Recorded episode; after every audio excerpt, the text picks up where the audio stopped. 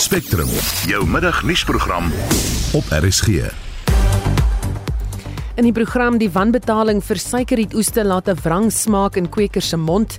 'n Biologiese opname in die Oos-Kaap lewer talle verrassings op. Daar's baie interessante goed wat besig is om daar te gebeur. Daar's baie nuwe spesies in die proses ontdek en baie van die harde werk word nou na die tyd gedoen om die spesies wetenskaplik ordentlik te beskryf. En talle mense is bitter oor Twitter se beoogde befondsingsmodel. Musk saying in a tweet that the cost of the Blue service would be adjusted by country proportionate to purchasing power. Die span is Justin Kennerly en Johan Pieterse. Ek is Susan Paxton.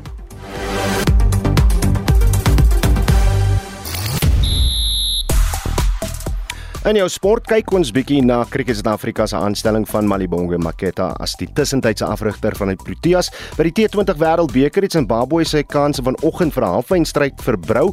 Bangladesh het ook 185 nodig om te wen teen Indië. Hulle tans 14 sonder verlies dis nou na die tweede balbeurt. En daar bestaan die moontlikheid dat 'n gesamentlike span van Australië en Nieu-Seeland die Britse Lions in 2025 sal aanpak. Ons is net na 12:30 terug met meer besonderhede.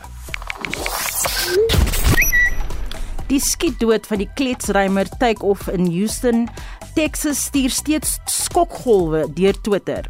Dan is malva pudding met vla skielik 'n liplekker onderwerp waar foto's en resepte van die lekkerny gedeel word. Mm, en dit is vandag internasionale eet gesond dag. So ons kyk of ons resep kan kry wat dalk gesond kan wees. Nou die dag is om mense bewus te maak van wat en hoeveel hulle eet. Ons wil by jou weet in die huidige moeilike ekonomiese omstandighede, hoe sorg jy dat jy gesond en lekker eet? Soos ons pas in die nuus gehoor het Linda vir ons gesê betaal ons sowat 11% meer vir 'n basiese kosmandjie. Hoe maak jy seker dat jy en jou huismense gebalanseerde maaltye geniet? Stuur 'n SMS na 45889 teen R1.50 per boodskap of praat saam op Monitor en Spectrum se Facebookblad. By kan 7 minute oor 12 jy luister na Spectrum die Suid-Afrikaanse Suikerriet Kwekersvereniging vergader vandag met die sake reddingspraktisyn wat die Tongaat Juliet kwessie moet beredder. Meer as 14000 werksgeleenthede is op die spel. Ons praat met die uitvoerende hoof van die Suid-Afrikaanse Suikerriet Kwekersvereniging, Dr Thomas Funke. Goeiemôre Thomas. Goeiemiddag. Tongaat Juliet en die sake reddingspraktisyns het kwekers glo nog nie betaal vir suikerriet wat in September gelewer is nie. Dit is so 400 miljoen rand wat 'n uh, miljoen wat teen einde Oktober betaal moes word, reg? Dit is korrek, ja. Wat is die redes wat aangevoer word oor hoekom hulle nie um, die spertyd gehaal het nie? Ehm um, ja, dit dis 'n goeie vraag. Ons het uh, nou net klaar met hulle vergader um, om uh, uit te vind presies wat aangaan. Ehm um, hulle verstaan 100% ehm um, wat die uh, risiko is ehm um, om die boere nie te betaal nie. Ehm um, maar uh, dit blyk asof daar nie genoeg fondse is om dit te doen nie op hierdie stadium. So ehm um, hulle werk hard aan 'n aan 'n pakket. Ehm um, ek neem aan van die banke ehm um, om nou hierdie betaling te kan maak. Nou, sit die suikerrietkweekers nou met die hande in die hare of is daar opsies wat hulle in die stadium tot hulle beskikking het? Ja, by die stadium ehm um, sit ons en wag. Ehm um, ons probeer ook vir ons uh, boere te sê om uh, kalm te bly. Ehm um, natuurlik is die risiko dat ehm um, die meelens uh, nou tot stilstand kom. Ehm um, ek weet van hulle het al ehm um, in die Tonga Chilets vir vir ehm um, vereniging of organisasie. En ehm um, dit beteken dan natuurlik dat ehm um, voor op pad vorentoe ook nie uh, suiker gaan produseer word nie. Ehm um, maar hopelik gaan daar in die in die volgende dae um, 'n oplossing wees en ons is baie positief daaroor. Hm. Jy het nou genoem die meelens wat beïnvloed word, maar uh, jy weet wie anders word nog uh, hierdeur geraak. Ja, kyk, dit is die meelens nou ook die plaaswerkers, ehm um, die inset verskaffers aan die boere, uh kontrakteurs, hier die die ou wat die ehm um, trokry meele toe met die suikerriet agterop. So almal word geraak in hierdie proses. Ehm um, en dit is vir ons ook baie belangrik dat ehm um, ja, Tonga Juliet en natuurlik die die BRP, die Business Rescue Practitioners dat die almal verstaan en na die vergadering ehm um, kan ek sê dat ek dink daar daar is uh, verstand. Ehm um, hulle verstaan hoe hoe ingewikkeld die hele bedryf is en ek dink hulle het dit tot harte geneem. So hierdie kan uitloop uiteindelik op 'n grootskaalse suikertekort. Ehm um, nie op hierdie stadium nie. Ons is uh, positief want ehm um, die ander meulens in die bedryf ehm um, werk teen jy weet vol kapasiteit. Ehm um, en hopelik sal die die ja, sal die Tonga Tulip meulens uh, in in die volgende paar dae weer begin uh, ritmaal. Ehm um, en dan behoort ons ook uit te wees. So op hierdie stadium kan ons dit nie sê nie. Ek dink nie daar's ehm um, daar's 'n groot risiko ehm um, as die meulens weer begin uh, maal nie. Baie dankie ons gepraat met die uitvoerende hoof van die Suid-Afrikaanse Suikerriet Kwekersvereniging Dr Thomas Funke. Dit is dag 2 van die presidensiële beraad oor geslagsgeweld. Die misdaad is aan die toeneem ondanks die regering en nie regeringsorganisasies se pogings om dit te bestry. Vir haar indrukke oor die beraad praat ons nou met professor Corneille Duwys wat die beraad bywoon. Sy is van die departement strategiese kommunikasie aan die Universiteit van Johannesburg en beywer haar ook vir vroue en kinderregte. Goeiemôre Corneille. Goeiemiddag. Wat is jou oorhoofse gedagtes oor hoe die beraad se eerste dag verloop het? Kyk, die eerste dag was nogal emosioneel, hoor. Ehm um, daar was 'n groot opbou tot die um, tot die president opgedaag het en hy het nogal relatief vroeg opgedaag en daar was 'n baie groot gehoor. Het ongeveer 1300 mense wat daar was en baie passievolle aktiviste. So daar was 'n groot opbou in terme van hulle uitdrukking van hulle misnoë en hulle hulle frustrasie met goed wat nie werk nie en geld wat nie beskikbaar is nie. So ek dink en, en baie het hom direk aangespreek. Dit was voor sy praatjie, maar hulle hulle hulle het hom direk aangespreek. Sy sê Mr President, what about this and what about that? En en hy het geluister. Weet hy ek moet sê ehm um, van die ander sprekers is natuurlik geboel. Dit word eh uh, die uh, luitenant-generaal van die polisie uh, te Willem Mosekile. Hulle het al geboel want uh, toe hulle luister na die statistieke byvoorbeeld oor geweld. Hulle het dit bevraagteken. So daar was daar was 'n soort van 'n spanning. Maar ehm um, teen die tyd wat ons toe breek vir die middagete, um, het, het die gemoede relatief bedaar. So die president wel die gehoor toespreek, was daar 'n baie beter ontvangs. En hy was eerlik. Jy weet hy het eerlik gepraat en gesê hy is bewus van die gebreke. Hy is bewus dat daar meer mislukkings is as suksesse, maar daar's ook sekere ehm um, uh het hy het beloftes gemaak dat sekere goed in plek sal wees. Teen die einde van die besigheidsjaar dat wetgewing op hierdie stadium in parlement is vir goedkeuring dat dat die die raad waaroor almal praat dat die raad wel in plek gestel sal word volgende jaar. So dit dit dit het dit goed gegaan. Hy hy het hom goed van die taak gekwyt dat ek dit so stel. Mm. Dink jy dat hierdie dat hy sy beloftes gestand gaan doen of gaan ons nog 4 jaar wag en weer moet gesels? Ek dink daar is nou baie meer mense betrokke wat die verantwoordbaarheid gaan aanspreek.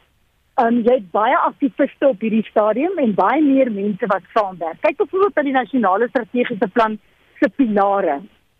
Daar is allerlei deelnemers. Ek is in pilaar 6 So ek weet ons is daadwerklik besig om te kyk hoe ons ons navorsing bymekaar kan uitbring. Dan want op hierdie stadium werk almal in silo. So jy weet nie wat doen watter mense waar met watter navorsing nie. En, en ons het gesê ons het dit bespreek gister met ons sessie dat daar meer 'n um, houding van samewerking eerder as kompetisie moet wees. Want in baie gevalle, jy weet, as dit gaan oor befondsing en en organisasies wat hulle self moet onderhouding dan skep jy 'n klimaat van kompetisie eerder as samewerking? En die enigste manier hoe ons vordering gaan maak en wel gaan uitkom by die doelwit is wanneer ons wel kan saamwerk. Selfs as navorsing as universiteite as die um, as gemeenskapsorganisasies en um, regeringsorganisasies as ons nie almal saamwerk nie gaan dit nie gebeur nie. Dit daar is hoop. Ek moet sê daar is hoop as ons net almal kan kry om saam te werk Mm. Weet Business Unity South Africa se Janie de Villiers sê die regering het die sake sektor uitgesluit van die besprekings en implementering van beleide oor geslagsgebaseerde geweld. So dit is 'n verwysing na wat jy nou van praat. Daar is 'n probleem in terme van die tegniese aspekte van die dokument, maar die goeie nuus is waar dit nou lê op goedkeuring, is daar 'n geleentheid vir terugvoer en en wysiging van daai dokument voordat dit parlement toe gaan. Want op hierdie stadium soos dit geskryf is, is die private sektor nie spesifiek aangedui as 'n aparte um, aan 'n deelnemer nie. Dit dit word gegroepeer saam met um, die um, samelewing, die die civil society. So dit moet spesifiek apart geskep word. So daar's 'n terminologie probleem soos dit vir my klink. Maar daar is nog geleentheid om dit reg te stel sodat die private sektor tevrede is. Sodat hulle wel hulle rol kan inneem en dan sien waar hulle die ehm um, aanspreek van geweld in hulle begrotings en so aan kan inbou met die behoorlike uh, legislasie. Nou daar is baie meer bewustheid oor die kwessie, maar waar dink jy lê dan die wortel van hierdie probleme waarmee vroue en kinders in ons land te doen kry? Die probleem is die aanspreek van die oortreders. Ek hou super stuk daaroor. Want ons is ons is besig om te fokus natuurlik op die slagoffers wat vrouens en kinders is.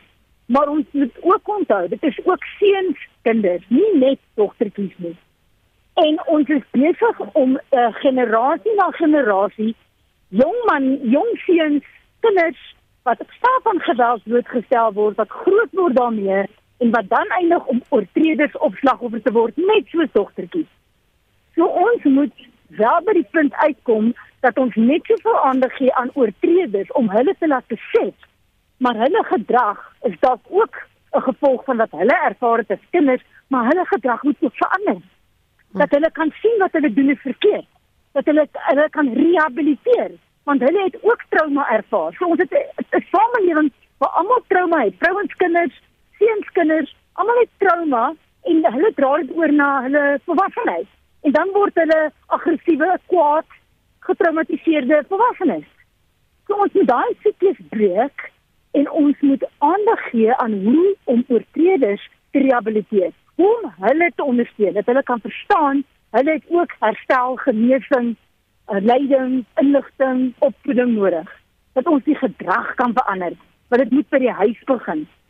Ons kan nie net staat maak op al die ander organisasies as ons dit nie in ons eie lewens en ons huise toepas nie. In ons gemeenskappe kyk byvoorbeeld wat ons ons ons bystander benadering is. As ons iets sien moet ons dit sê. Ons moet uitwys maar hierdie gedrag is nie okay nie. Die die Shared Valley Africa Initiative het die baie wonderlike selfs beweging wat hulle geskep het is not okay hmm. ehm um, ons moet dit ondersteun. Ons moet kan sê dis nie okay nie almal moet iets kan moet almal kan iets bydra dis nie asof dit net mense in gesag is nie elkeen van ons in ons eie lewens kan iets bydra en sê wat ook al hier gebeur is nie okay nie Ja. Baie dankie. Dit was professor Corneil Duwys van die Departement Strategiese Kommunikasie aan die Universiteit van Johannesburg wat ook 'n kampvegter is vir kinder- en vroueregte. 'n biologiese opname met die doel om later 'n grasveld nasionale park in 'n gedeelte van die Drakensberge in die Oos-Kaap te open, het verrassende inligting opgelewer. Die span het 'n onbeskryfde Disa spesies gevind en ses onbeskryfde muurspesies in die gebied tussen Rhodes en Mount Fletcher wat deur die span besoek is. Die bestuurshoof van die WWF, Morney Du Plessis wat ook uh, deel was van die 50-man span wat die opname gedoen het, sê die ondersoek moet plaasvind of moes plaasvind sodat daar 'n behoorlike omgewingsbestuursplan aan die gemeenskap voorgelê kan word. Die Buster voetpadpas is amper onrybaar as dit gereën het en selfs in droë dae is dit 'n moeilike pas met 'n 4x4. En daar het ons opgestap en ek het onder andere op 'n Disa afgekom met die naam van Disa Scully. Dit is vernoem na iemand met die van Scully. En uh, dit is 'n baie baie skaars Disa en ek het op so 'n klein groepie van so 2 of 3 plante afgekom in 'n vletjie bietjie verder gestap en nog eene gekry. En toe skielik kry ek 'n Disa wat hy lyk half soos 'n Disa skully, maar hy is nie heeltemal reg nie. Toe ek begin foto's neem en op die ou end van die foto's van van die kundige stuur, toe reken hulle dat uh, dit is moontlik 'n kruising tussen daardie spesies en 'n ander een wat nog nie in die area gesien is nie. Jy weet, so daar's baie interessante goed wat besig is om daar te gebeur. Wat is 'n bioblits? 'n Beeldblits is 'n opname wat gedoen word oor 'n kort periode. Ons doen dit gewoonlik om kenners spesialiste, jy weet natuurkundiges, elkeen wat sy vakgebied baie goed ken om opnames te doen oor sowat 4 uh, of 5 dae. Die uh, afgelope Februarie het ons groep van oor die 50 kundiges bymekaar gekry in Rhodes Nou Rhodes is nie die universiteit nie, dis die dorpie wat bo naby aan die onderpunt van Lesotho sit. En dit is eintlik die Oos-Kaapse Drakensberg, kan jy dit noem. Dit is die vroeë voetheuwels van die Drakensberg. Lieflike area in daai Maclear, Barkley Oos roads omgewings. En so daar's baie nuwe spesies in die proses ontdek en baie van die harde werk word nou na die tyd gedoen om die spesies wetenskaplik ordentlik te beskryf. So dit was 'n baie baie opwindende proses geweest. Dit is ook deel van julle beplande Grasveld Nasionale Park inisiatief, reg? Die die bioblits in die Noord-Oos-Kaap se grasveld is spesifiek gemik om te help verstaan wat presies gaan aan op die grond. Nou die Grasveld Nasionale Park waarvan al baie in die media uh, gepraat is in Swan is 'n nasionale park wat uh, 'n nuwe model van park gaan skep wat kontraktueel, jy weet nie drade gaan span om areas wat aan die staat behoort nie, maar wat privaat grond en gemeenskapsgrond gaan inkontrakteer vir mense wat bereid is om in te kontrakteer.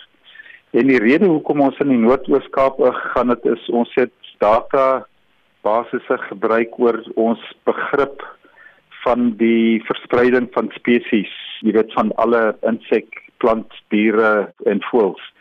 En daar is in die grasveld er was daar drie kolle gewees wat baie warm was, wat baie groot diversiteit gehad het en die Noord-Oos-Kaap het bo kop en skouers bo hulle uitgestaan. En dit is hoekom ons op daardie area fokus. Dit is ook 'n groot water opvangsgebied, 'n strategiese wateropvangsgebied.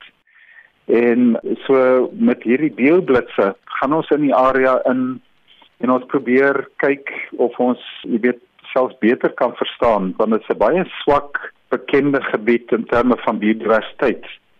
En dit is hoekom ons nou byvoorbeeld 'n talle nuwe spesies in hierdie area ontdek wat die plek nog meer van 'n juweel maak as wat ons gedink het net deur die oorspronklike databasisse want daar's baie nuwe goed wat skielik jy weet uitspring en vir ons sê kyk na ons ook. En dit was die bestuurshoof van die Wêreld Natuurlewe Fonds Dr. Morney Du Plessis. Die Amerikaanse Federale Reservebank sal later vandag sy rentekoersverhogings aankondig. Dit sal 'n aanduiding wees in watter rigting die Suid-Afrikaanse Reservebank sy rentekoersaanpassings sal maak. Die president van die Reservebank, Letsetsak Ganyago, het intussen gesê hy hoor die klagtes van die publiek oor die rentekoersverhogings, maar daar is geen ander keuse nie. Ons praat met eh, die hoof-ekonoom van CH Economics, Dr. Chris Harmse. Goeiemôre Chris. Môre Susan, môre luisteraars. So wat gaan die Amerikaanse Federale Reservebank doen uh, vandag?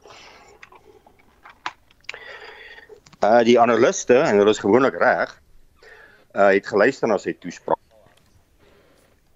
van die uh vorige vergadering en uh daarop volgende toespraak toe hy verskyn het voor die senaat en is om ewe hy moet 75 basispunte verhoog. Belangrikste is is dit die laaste. Dis vir almal wag.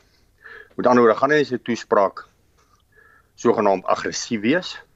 Uh en dit gaan vir uitspeller daar nog een gaan kom. En dit gaan alles ons rentekoerse bepaal. Ja, ek wou net vir jou vra, die Reservebank sal dan kyk wat die Fed doen en sy besluit daarop grond. Ja, kyk, as die Fed verhoog met 25 basispunte, het hy eintlik nie 'n keuse nie. 'n Mens kan argumenteer ja, maar ons inflasie is besig om af te neem, maar dit moet weinig. Ehm um, maar met 0.1 van 'n persent, ons is nog bo kan die teikens. En die groot ding wat luisteraars sal moet besef, die die die mandaat van die Reserwebank staan duidelik. Hy moet die binnelandse en almal weet jy inflasiekoers en die buitelandse waarde van die rand bepaal. Ekskuus beskerm en stabiliseer. En dis die wisselkoers. Nou die, die gevaar wat ons het is dat as ons nou nie sou gaan verhoog nie vir baie ander Ek wil ek is die eerste een wat sê dat ons inflasie is 'n koste druk inflasie dat die rentekoers te verhoog gaan jy nie die inflasie afbring nie. Maar sou hy dit nou nie doen nie en die rand draai baie maklik om. Ons sien sedert uh die monetêre beleidskomitee se vorige vergadering is die rand al ongeveer klaar gemiddeld 100 sent swakker. Sit nog 100 sent swakker en ons is op pad 20 rand toe. Jy sien nou nou kom die nou kom die spiraal. As hierdie rand gaan verhoog met 'n oliepryse wat bly op 92 94 dollar, die natuurlik uh, petrolpryse weer baie sterk styg. As die petrolpryse baie sterk styg, weet ons al die ander goed in die ekonomie styg ook skerp soos voedselpryse ensovoorts. En dit gaan nou weer aanleiding gee tot 'n ronde van loon uh, onderhandelings, salarisse en lone wat styg en dan ons 'n bose kringloop en dan spiraal die inflasiekoers. So eendag in 'n tyd sal ons nou maar moet ehm uh, moet vasbyt in hierdie koersverhogings deursit totdat die proses uh, homself uitgewoed het. Belangrikste vraag natuurlik is wanneer gaan hierdie ding stop? Nou daar's daar is baie mense wat dit sal besef dat die rede vir hierdie hoë inflasiekoers reg oor die wêreld is natuurlik die hoë energiepryse en veral natuurlik dan ehm um, brandstofpryse. Ek bedoel ons voel dit in ons sak. Ons betaal 4-5 rand per liter duurder as 'n jaar gelede. Nou ongelukkig is die oliepryse hardnekkig. Solank as wat daai oliepryse en gaspryse gaan bly waar hy nou bly, gaan inflasiekoerse neig om eerder te styg as om te daal. So hierdie rentekoers siklus is op hierdie stadium vir my, soos ek op die horison kyk, uh nie op einde nie. Hy het miskien amper sy boonste draaipunt bereik, maar hy's nie op einde nie. So ons kan ons maar klaar maak vir ten minste ook 'n 75 basispunte verhoging wanneer die monetêre beleidskomitee oor 2 weke vergader. Hm, dis baie goeie nuus nie, Chris. Kan jy vir ons ander nuus wil gee hier nie? Jokke bietjie. Ek ek wens ek ek ek, ek wens ek kon. Die rand is dan vandag 'n bietjie sterker. Ons trek hier by R18.12 en ek dink is nog steeds die die die reaksie nadat ehm uh, die Hang Seng in Amerika ag in in in in Hong Kong jy begin sterk styg het na die geopolitiese probleme met die nuwe Chinese rye verlede week en dit natuurlik het ons twee groot aandele op die beurs ehm um, ehm um, ehm um, Naspers en Prosus baie laat val. Ons het gister gesien Sasol het ook baie geval. So dit is daardie tipe aandele wat verkoop word en uh die rand onder druk gesit het. Nou dat dit lyk dit vir my dat Eskom uh 'n bietjie beter ge, ge, positief geëvalueer is deur Moody's uh en dat die jongs die Hang Seng die sterk begin styg daai aandele weer begin styg. Uh lyk dit vir my die rand uh daarom bietjie omgedraai en hy is omtrent so 20 sent sterker. So hy hoop hy bly daar en ons moet maar hoop dat die olieprys gaan onder 90 dollar. Weet verbruikers gaan verbruikers dit kan bekostig. En ja. Nee, nee, nee, nee, nee natuurlik nie. Oula, jy die gewone as jy die gewone man vat met 'n verband van 'n verband met 'n miljoen rand 'n jaar gelede teen wat hy nou betaal. Onthou die onthou rentekoerse het verdubbel, né? Ons is verlede jaar in Junie maand te grepe koers 3%. Nou is ons 6.25. Met ander woorde, jou koers het ook verdubbel. So jy het waarskynlik 7-800 rand meer maand betaal. Dan vat jy maar net 'n doeteenvoudige 'n 'n tank brandstof teen 4-5 rand per liter. Meer natuurlik as jy diesel ry, het dit nog meer gestyg. En uh as jy gemiddelde huishouding 2-3 tanks per per maand gaan gaan uitry kan jy kan jy agterkom. Met ander woorde, jy sit in reële terme hier 2 2.500 rand 'n maand swakker af en ongelukkig salarisse het nie bygebly daar nie. En nou kyk ek natuurlik nog nie eers na voedselpryse wat met 11% per jaar styg nie en natuurlik die uh ander pryse veral kragpryse wat gestyg het. As jy dit nog byvoeg, is dit is dit ongelukkig so. Ons is in 'n resessie, Susan. En soos dit ek ook altyd vir die mense en vir my studente sê, resessie is nie vir sissies nie.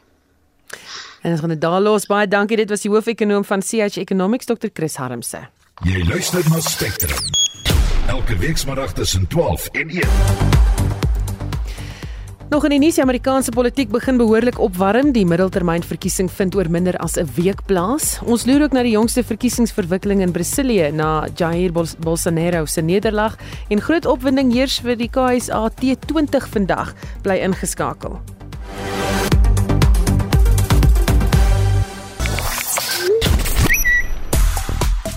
Daar is groot vreugde op Twitter nadat Malibongwe Maketa as tussentydse afrigter vir die Proteas se stryd deur onder aangewys is. En ons gesels oor uh, internasionale eet gesonddag en hoe maak jy seker dat jy en jou huismense gebalanseerde maaltye geniet? Ek sien 'n luisteraar wat vertel dat ons eet nou baie meer bone, lensies, gort en so meer, lekker en baie gesond. My man noem dit egter depressiekos en ons boekhouer sê dit klink meer vir hom soos kompressiekos, sê die boervrou vir ons. En dan 'n luisteraar wat raad het wat sê um, ons eet nou of ons koop groente by groentewinkels nie die supermark nie, dis baie goedkoper en um, ons maak dan nou seker dat ons eerder 'n slaai as hoofmaal het met baie groente en slegs klein stukkies vleis. Dis vullend en gesond en gebruik geen elektrisiteit nie. Dis ans wat so sê. En dan op die Monitor Spectrum blad sê Willem de Villiers, gesonde kos is duur en hy sê dit in hakies. Kyk maar wat eet die armes, koolhidrate, stysel en vet. Suiker is dalk ongesond, maar vergiftig nie soos die chemiese byvoegsels nie. Uiteindelik gaan ons maar almal dood. Die enigste verskil is dan is dat daar miskien twee ekstra draers van my kus moet wees. Jy kan steeds saamgesels, dit gaan oor uh, eet gesondag. En vir die jongste sportnuus uh, sit Udo Karelse gereed en uh, Udo, die Proteas kry 'n nuwe tussentydse afrigter. Almal Ja, praat daaroor. dis korrek. Susan, eh, die voormalige Proteas assistent afrigter wat tans die breier van die SAA span is, Malibongwe Maketa, sal net na die T20 Wêreldbeker die leiersels oorneem en sal ook net in die hoedanigheid werk tot en met die einde Januarie. Ja, dis nou volgende jaar wanneer die permanente aanstelling gemaak sal wees. Dit nou na die bedanking van Mark Boucher reis. Dis verantwoordelik vir die uh, einde van die jaar se drie toetsreeks teen Australië. Groep 2 is ook vandag in skerp fokus by die T20 Wêreldbeker.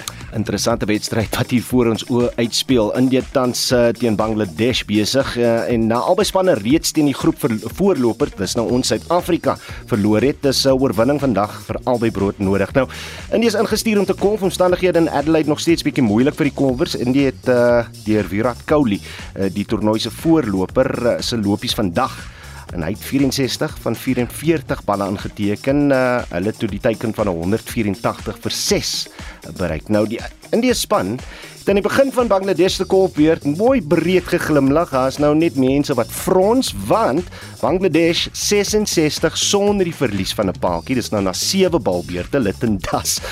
59 lopies het hy gemoker van net 26 balle en ek sien dit nou ook begin reën. En as ons men as mense nou die formule gebruik om uit te werk wat Bangladesh nodig het mits die reën nou aanhou val, dan is hulle voor wat die vereiste is. Hulle benodig 49 sonder verlies na 7 balbeurte en soos ek sê hulle sit tans op 66 sonder verlies.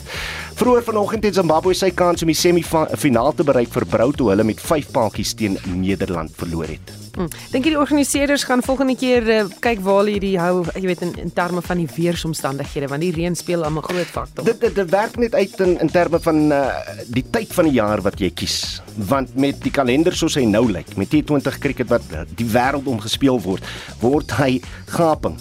Daai venstertjie al hoe kleiner elke liewe toernooi. Dis nou uh, afhang dit hang nie af van die uh, die formaat nie. Daai venster word net kleiner. Hm. Goed, dan is ook groot aksie of nog groot aksie in die KSA T20 vandag. Ja, na die uh, na die na 2:30 vanmiddag kom die uh, Titans teen die Knights te staan terwyl die Boland Rocks teen die Dolphins speel. Dis nou net na 6 vanaand en dis in die halfeindstryd van die kompetisie. Alle oë sal op Dewald Brewes in die dag se eerste wedstryd gevestig wees na die jongman hierdie week die vinnigste 150 taal ooit in T20 cricket uh, uh wedstryd aangeteken het teen die Einste Knights teen wie hulle vandag te staan kom in die semifinaal. Goed, ons sluit af met sokkernuus. Ja, net so vinnige brokkie om af te sluit. Die wonderdoel wat deur Kaizer Chiefs uh, speler Yusuf Maart aangeteken is, die na, dit is nou in die naweek se Soweto Derby teen Orlando Pirates. Hy sal in aanmerking kom vir die Puskas-prys wat elke jaar deur FIFA toegeken word vir die beste sokkerdoel ter wêreld. Baie dankie, dit was Udo Karelse met die jongste sportnuus. En jy luister na Spectrum, die uitgaande president van Brasilië, Jair Bolsonaro, het gister sy stilte verbreek na sy verkiesingsnederlaag teen die linksgesinde Lula da Silva. Hoewel Bolsonaro nie die uitslag van die verkiesing erken het nie, het hy dit ook nie bevraagteken nie. En vir meer hieroor praat ons nou met Solidariteit se hoof van internasionale skakeling, Jaco Kleinhans. Goeiemôre Jaco. Goeiemiddag Susan. Nou Bolsonaro se personeelhoof het aan die media gesê die oorgangsproses sal binnekort begin. Wat behels dit? Ja, kyk, uh, Brasilië is natuurlik 'n baie belangrike en groot land, jy weet, en natuurlik as een van die van die groter demokratieë in die wêreld, is so 'n uh, oorgangproses uh, 'n redelike ingewikkelde proses. Uh uh die Silva sal op die 1 Januarie ingehuldig word as die nuwe president, maar oor die volgende 2 maande moet daar natuurlik 'n hele OG proses wees waar die huidige Bolsonaro regering um uh in verskillende ministeries en funksies uh die, die oordrag uh, moet doen en dit is baie belangrik belang dit dat daar natuurlik samewerking uh, tussen die twee partye moet wees uh, vir hierdie proses om vlot uh, te verloop. Brasilië is geografies die 50ste grootste land, het die 60ste grootste bevolking in die wêreld en die 70ste grootste uh, ekonomie. En daarom is dit 'n uh, uh, vir die res van die wêreld dink ek, uh, vir al die VSA, um, maar maar ook China en Europa kyk almal redelik angstig hierna en wil graag sien dat daar 'n uh, 'n uh, redelike gladde oorgawe in die OG proses plaasvind. Hm. Nou Bolsonaro het geen melding van da Silva in sy toespraak gemaak nie. Wat kan 'n mens daarin lees? Ek dink dit was vir Bolsonaro baie moeilik geweest uh om uiteindelik onder druk te sorg en eintlik maar te erken dat hy die verkiesing verloor het. Hoewel hy glad nie in sy 2 minute toespraak uh enigstens so gesê het nie, was dit duidelik geweest dat dat daarvan uit sy eie politieke geleedere, ook sy politieke bondgenote druk op hom was om die demokratiese uitslag van die verkiesing uh te aanvaar. Uh daar's ook natuurlik heelwat vrees uh vir geweld geweest in Brasilië. Ons het gesien maar net oor die afgelope uh, twee dae uh, hoe daar in honderde uh, dorpe en stede in Brasilië versperrings deur uh, Bolsonaro se ondersteuners opgerig is wat paaie versper het. Daar's klaar 'n verstoring byvoorbeeld in voedselverspreiding uh, in die land en Bolsonaro sou moes kies tussen anargie uh, of om 'n uh, vreedsame oorgeproses uh, daar te stel. En ek dink hy het eenvoudig nie na die Silva verwys nie omdat die twee sulke geweldige uh, uiteenlopende politieke pole in Brasilië verteenwoordig. Hulle is eintlik sulke aardsvyande binne die politieke stelsel in Brasilië en hulle verteenwoordig natuurlik daardie ongelooflike verdeeldheid wat in die stand in die land het en dit is hoekom die verkiesing die verkiesingsuitslag ook so so naby aan mekaar was. Jy weet 60 miljoen stemme vir Da Silva, 58 miljoen stemme vir Bolsonaro. Dit wys vir ons dat die land uiters verdeeld is. Nou hierdie grootskaalse ontwrigting en betogings, dink jy dis 'n poging om die weermag daaraan te kry en sodoende militêre staatsgreep uit te oefen? Kyk, ek dink dit is een van die dinge waarvoor daar definitief vrees bestaan het. Uh Bolsonaro het reeds tydens die verkiesingsveld tog uh gesê dat hy uh um, Ek dink dat daar 'n uh, inmenging in die verkiesingsproses is dat hy nie die verkiesing gaan vry en regverdig plaasvind nie. Hy het baie ondersteuning binne Brasilië se weermag. Hy self iemand wat uh, wat uit die weermag kom en wat op 'n stadium 'n redelike senior amp in die weermag beklee het. Uh, en daar sonder twyfel vrees gewees dat um, uh, daar uh, nie net die staatsgreep dalk kon plaasvind nie, maar dat daar grootskaalse ontwrigting kon plaasvind. Um, selfs dalk 'n 'n onwilligheid van Bolsonaro om die mag oor te gee. Is nogal 'n 'n parallel uh, tussen uh, die vrese wat daar die afgelope paar dae in Brasilië bestaan het en dit wat ons beleef het in November en Desember 2 jaar gelede in Amerika, toe Joe Biden die verkiesing uh, gewen het teen Donald Trump. Maar ek dink uiteindelik het ehm um, uit alles nou so uitgespeel dat die die ondersteuners van Bolsonaro wat steeds uh, paaie versper en gedink het dat dat hulle hierdie um, oorwinning van die Silva op 'n of ander manier uh, sou kon neutraliseer of verhoed dat dit uiteindelik uh, binne die volgende paar dae tot 'n einde sal kom. Baie dankie, dit was Solidariteit se hoof van internasionale skakeling, Jaco Kleinhans.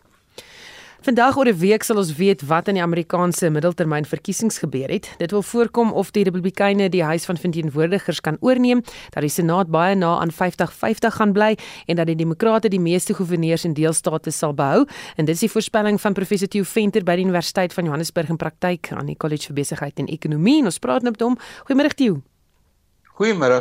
So hoe staan sake daar op die oomblik met net 'n week oor voor hierdie verkiesing? Wel, ehm uh is 'n baie interessante middeltermynverkiesing wat uh, vir ons wys dat die Amerikaanse samelewing sedert die vertrek van Donald Trump um tot 'n groot mate um verdeeld gebly het. En faktore wat gebeur het uh van toe tot nou wat daardie verdeeldheid aangehelp het was natuurlik die die hoër hooggeregshof se uitspraak oor abortus en ook ehm um, die ehm um, oorlog in in in die Oekraïne wat wat die Amerikaners getref het op die plek waar dit die seerste maak en dis die brandstofprys. Ehm um, ek dink as 'n mens ry na 'n stembus toe en jy sien wat brandstof nou in Amerika kos, dan is dit een van die belangrikste maniere om weerstand bied teen die mense wat jy beskou tans in regering is. En histories is dit 'n feit dat sittende presidente soos byvoorbeeld Biden wat verteen wat die demokrate verteenwoordig doen sleg in die middeltermyn verkiesings. Dis asof mense in die middeltermyn verkiesing amper 'n referendum hou oor die 2 jaar wat die president nou aan bevind was. En of jy nou 'n goeie president was, histories gesproke, en of jy 'n slegte president was, dit lyk asof die middeltermynverkiesings nooit 'n vriendelike omgewing vir 'n sittende president is nie. En ek dink nie hierdie verkiesing gaan anders wees nie. Ek wonder of jy vrou belangrik is hierdie verkiesing. Wel, hy's belangrik in twee opsigte. Hy's belangrik want dit bepaal wie beheer die huis van verteenwoordigers en die huis van verteenwoordigers as deel van hulle kongres is die um, gedeelte van hulle wetgewende liggaam wat oor geld sake seggenskap het. Dan oor hulle hou die beursie vas. En dit is belangrik in terme van wie beheer die senaat. Tans is die senaat op 'n mespunt gebalanseer en as die demokrate 'n meerderheid soek, het hulle eintlik die visiepresident Kamala Harris nodig wat uh, eh, regstegnies die voorsitter is van die senaat om 'n beslissende stem uit te bring. En as daar een of twee senatore ehm um, van van uh, van posisie verander in hierdie verkiesing, dan kan die demokrate of in beheer bly van 'n van 'n baie fyn gebalanseerde senaat of die republikeine kan oorneem. So 'n um, absolute mespunt vir die senaat. En die senaat is weer belangrik want die senaat neem besluite oor buitelandse beleid die senaat moet besluite wat die huis neem uh veral hierdie besluite wat betrekking het op die begroting en klomp ander goed aanstelling van mense in senior poste moet hulle gewoonlik uh, bekragtig en hulle kan ook op hulle eie optree. Dit is nie 'n verkiesing oor die president hierdie ronde nie. So hy is nie deel van die verkiesing nie. Maar uh die die derde faktor wat miskien belangrik is, dit gee vir ons 'n klein venstertjie op wat in 2024 kan gebeur want dis die volgende presidentsverkiesing. Nou die aanval op die spreker Nancy Pelosi se man vroeër by hulle huis sê die mense laat sê dat die vlakke van intimidasie in die aanloop tot hierdie verkiesing ontsaglik hoog is en ook mense die voorspelling dat maak dat daar ook meer geweld kan wees. Sonder twyfel en ek dink dis 'n faktor wat ons gesien uitspeel het um, in uh in die Januarie na die verkiesing wat uh, Biden gewen het met die aanval op die kongres en 'n klomp individuele aansprake en ehm um, die die dilemma hier is ehm um, mense wat oor die radio en oor TV uh eh, en in ander media bronne allerlei aanvalle maak en mense eintlik aanvuur. Ehm um, tref hier en daar vrugbare grond. Daar is 'n mens wat dit wat hy hoor um ernstig opneem en dan daarvolgens wil optree. En dis een van die goed wat ons nou gesien het met Nancy Pelosi en haar man. En dit is dis 'n faktor wat in Suid-Afrika deur baie mense ook beweer word dat van die wreedhede en die dinge wat verkeerd loop in die land direk toegeskryf kan word aan onverantwoordelike uitsprake deur politici. Die politikus verontskuldig hom na die tyd, maar ehm um, die persoon wat dit hoor nie noodwendig die insig het om te weet hierdie is beeldspraak of hierdie is miskien net by wyse van spreuke hy tree op daarvolgens. Uh dit is 'n baie baie gevaarlike deel uh in die politiek en ek, ek dink Amerika lê op die oomblik daaronder uh, veral ook as mense dit sien saam met uh pandemie van uh skieterye wat plaasvind en en uh uh, al die hoeveelhede uh, gebeure by skole en allerlei snaakse plekke waar hmm. mense met hulle vuurwapens eintlik uh uh chaos veroorsaak. Baie dankie. Dit was 'n professor by die Universiteit van Johannesburg um, of eerder 'n professor in praktyk by die Universiteit van Johannesburg aan die College vir Besigheid en Ekonomie, Theo Venter. Elon Musk gaan voort met die veranderinge by die sosiale media platform Twitter. Die jongste is dat gebruikers nou sal moet betaal vir die blou regmerkie by hulle naam wat aandui dat hulle profiel geverifieer is. Die SAK verslaggewer in Amerika, Shaun Bryce Peace, het meer oor Musk se aankondiging. BS is how Elon Musk described the current system of who has and doesn't have a blue checkmark, an identifier Twitter introduced as a sign that the user had been vetted and verified, or the company, government, or NGO associated with the account. Twitter is currently free for most users, but does generate revenue through advertising. Musk's eye watering $44 billion acquisition of the social media company has seen him quickly begin shaking things up saying in a tweet that the cost of the Blue service would be adjusted by country proportionate to purchasing power. Nou Twitter gebruikers is egter nie gaande oor die verwikkeling nie en selfs bekendes het gesê hulle sal die platform verlaat as Musk vergoeding vra vir die blou regmerkie. En vir meer oor wat hier aangaan, praat ons nou met die redakteur van die aanlyn nuusdiens mybroadband.co.za Jan Vermeulen. Goeiemôre Jan. Goeiemôre. So dis een van 'n reeks veranderinge wat Musk nou by Twitter maak. Hoekom wil hy hê mense moet betaal vir hulle regmerkie? Uh hy wil hê mense, hy wil hê die gebruikers van Twitter moet betaal. Uh en die regmerkie is maar net een van die dinge wat hy hy dink hy voor kan geld vra.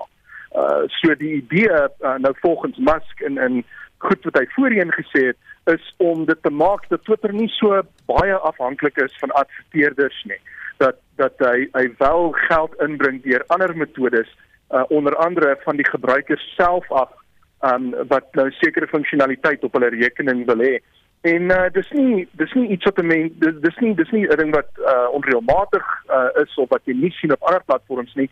Telegram uh, doen dit byvoorbeeld waar hulle mense uh uh jy weet toelaat om te betaal vir die diens en dan kry jy sekere funksionaliteit ekstra en wat Musk dan sê is um jy weet jy sal nou 'n uh, regmerkie kry of een of ander uh, ikoon langs jou naam kry wat wat sê jy weet ek betaal vir Twitter.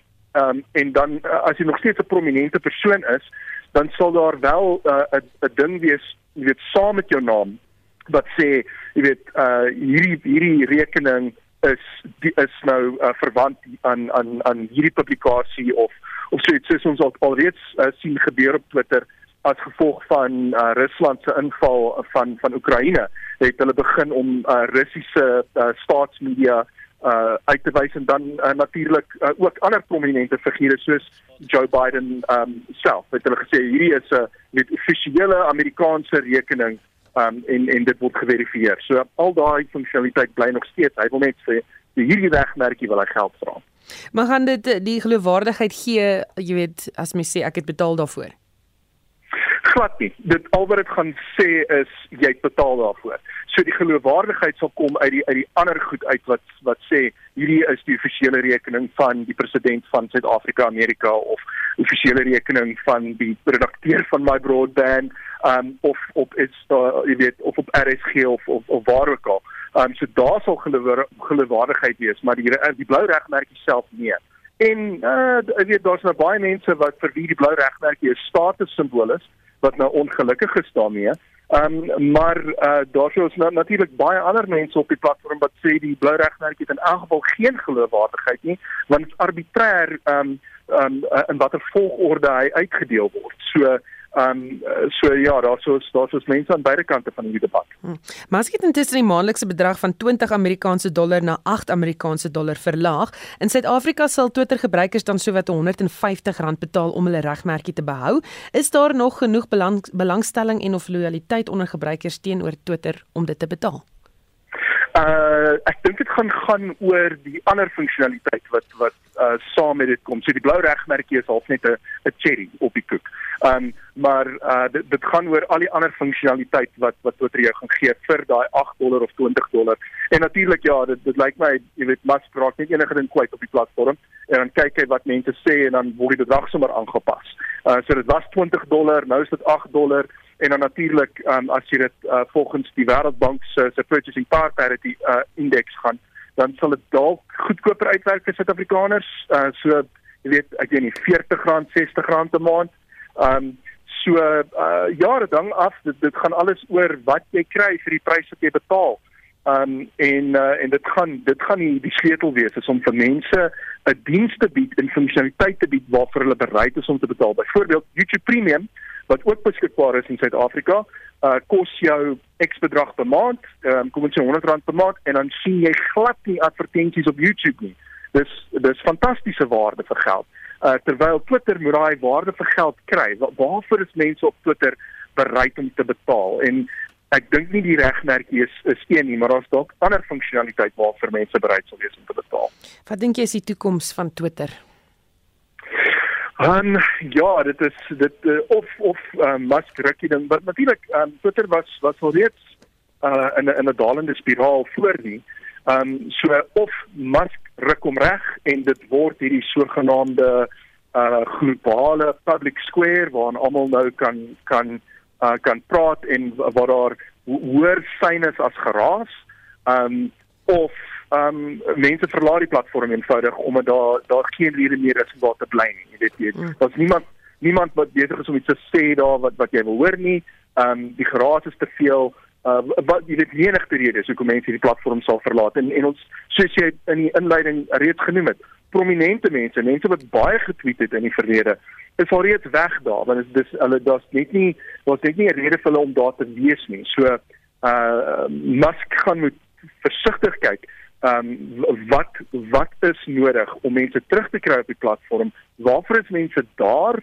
En um en uh, hoe gaan die mense terugkry? Um en uh, en dis nie 'n maklike vraag om te beantwoord nie want deel daarvan is jy moet van die ongure elemente op die platform ontslaa raak. Ja. Um sodat sodat daar uh, die mense wat daar is vir 'n uh, 'n uh, sinvolle debat of 'n sinvolle gesprek, daai gesprek kan hê. Baie dankie. Dit was die redakteur van die aanlyn nuusdiens mybroadband.co.za Jan Vermeulen. Die sakenis word aangebied deur Robert Cameron, portefeuljebestuurder by Fisher Dugmore Sekuriteit. Goeiemiddag Robert. Goeiemôre Susan, goeiemôre luisteraars. Ja, die plaaslike marke verbeter effens. Ekskuus tog, mens die um, Amerikaanse Federale Reserveraad se nuutste um, aankondiging oor rentekoerse uh, vanaand gaan plaasvind en hulle verwag basies 'n 75 basispunt uh, verhoging op daai front.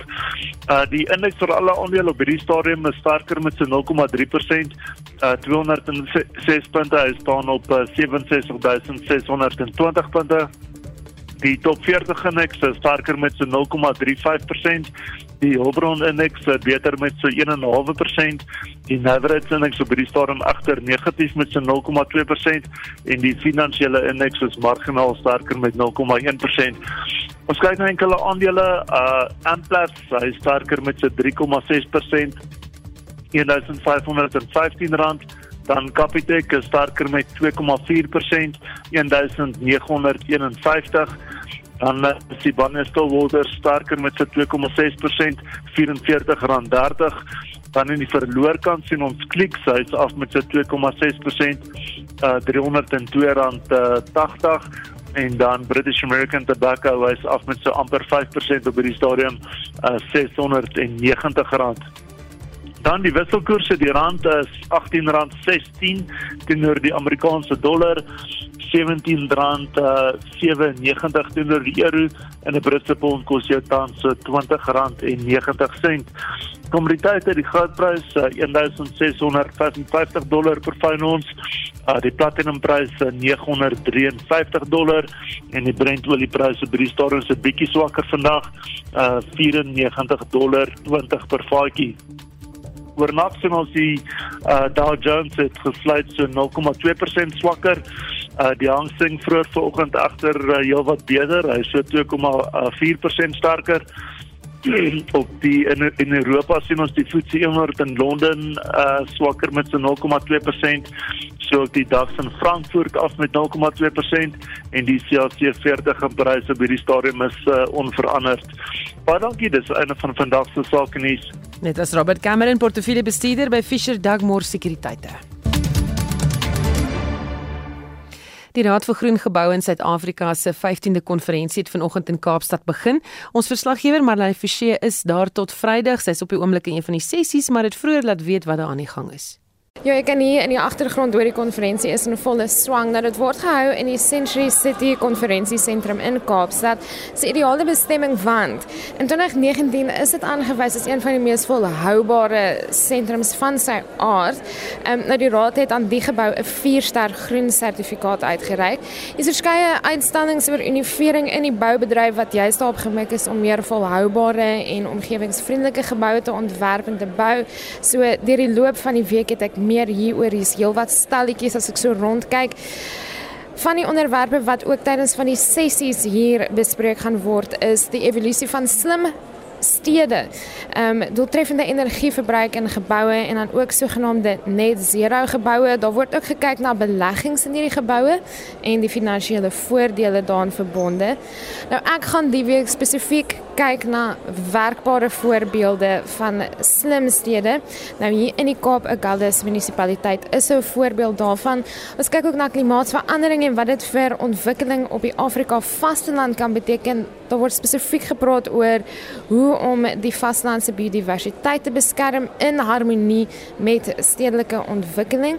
En dan kyk ek ook na township ekonomie. Nou, hoekom is dit belangrik? Want die sprekers hier meen die formele sektor kan baie leer by die gemeenskappe se volhoubare omgewingspraktyke. So as dit iets is waaroor jy nuuskierig is, skakel die res van die week in en luister saam hoe daar te werk gegaan word om hierdie elemente te inkorporeer. Dit was ons verslaggewer Marlenae Forsie. Sy is op die oomblik in Kaapstad by die Raad van Groen Gebou in Suid-Afrika se 15de konferensie. En Jamie het 'n blik oor die dag se ander nuusgebeure. Ja, ons begin met 'n verklaring deur die Dierebeskermingsvereniging wat waarsku teen fopnuus. Daar's 'n kennisgewing wat die rondes doen wat beweer dat die DBV 'n beloning bied aan mense wat pitbull terriers en hul eienaars by die vereniging aangee. 'n Woordvoerder vir die DBV, Reinet Meyer, gee duidelikheid. Die DBV se reg oor die land neem alle pitbulls in wat eienaars nie meer wil hê of nie meer kan bekostig nie of dat hulle moontlik bang is dat die honde wel hulle kinders of hulle familie sal aanval, maar ons gee nie 'n beloning daarvoor nie. Daar is gerugte wat rondgaan wat sê die DBV gee R1500 aan mense wat honde aan ons surrender, maar dit is nie waar nie. Equal Education is vandag in die Hooggeregshof in Kaapstad om die onderwyswysigingswet in die Wes-Kaap tersyde te stel. Die wet maak die oprigting van twee nuwe soorte skole, naamlik samewerkende skole en skole wat deur privaat skenkers bestuur word, moontlik. Stacey Jacobs van Equal Education sê dit sal 'n reuse impak hê op die toekoms van openbare skole in die provinsie. Where donors and private entities are given a significant control of public schools undermines the principles of democratic governance and accountability. We are challenging the introduction of these institutions because the law around them is vague, is inconsistent with the Constitution, and in conflict with the South African Schools Act. While equal education is not opposed to testing innovative education models, we recognize that experimentation in education is a very sensitive undertaking. En planne om meer damme te bou is in die pipeline. Die minister van water en sanitasie, Senzo Mkhunu, het gister tydens 'n parlementêre sitting gesê daar's 'n ernstige behoefte hiervoor. Hy het egter ook kommer uitgespreek oor die groeiende aantal damme in privaat besit wat nie aan veiligheids- en regulatoriese vereistes voldoen nie. Dam owners, the agricultural sector, they use more water than they are required to. They don't comply generally, or they even establish dams illegally en dis Senzo Mqunu die minister van water en sanitasie. Dit was Jomari die Vroof met 'n opsomming van die dag se nuusgebeure. Ons gedagte is uitvoerende regisseur Nicoline de Wet, die redakteur vandag Justin Kennerly en ons produksieregisseur Johan Pieterse. Ek is Susan Paxton, bly geskakel vir 360.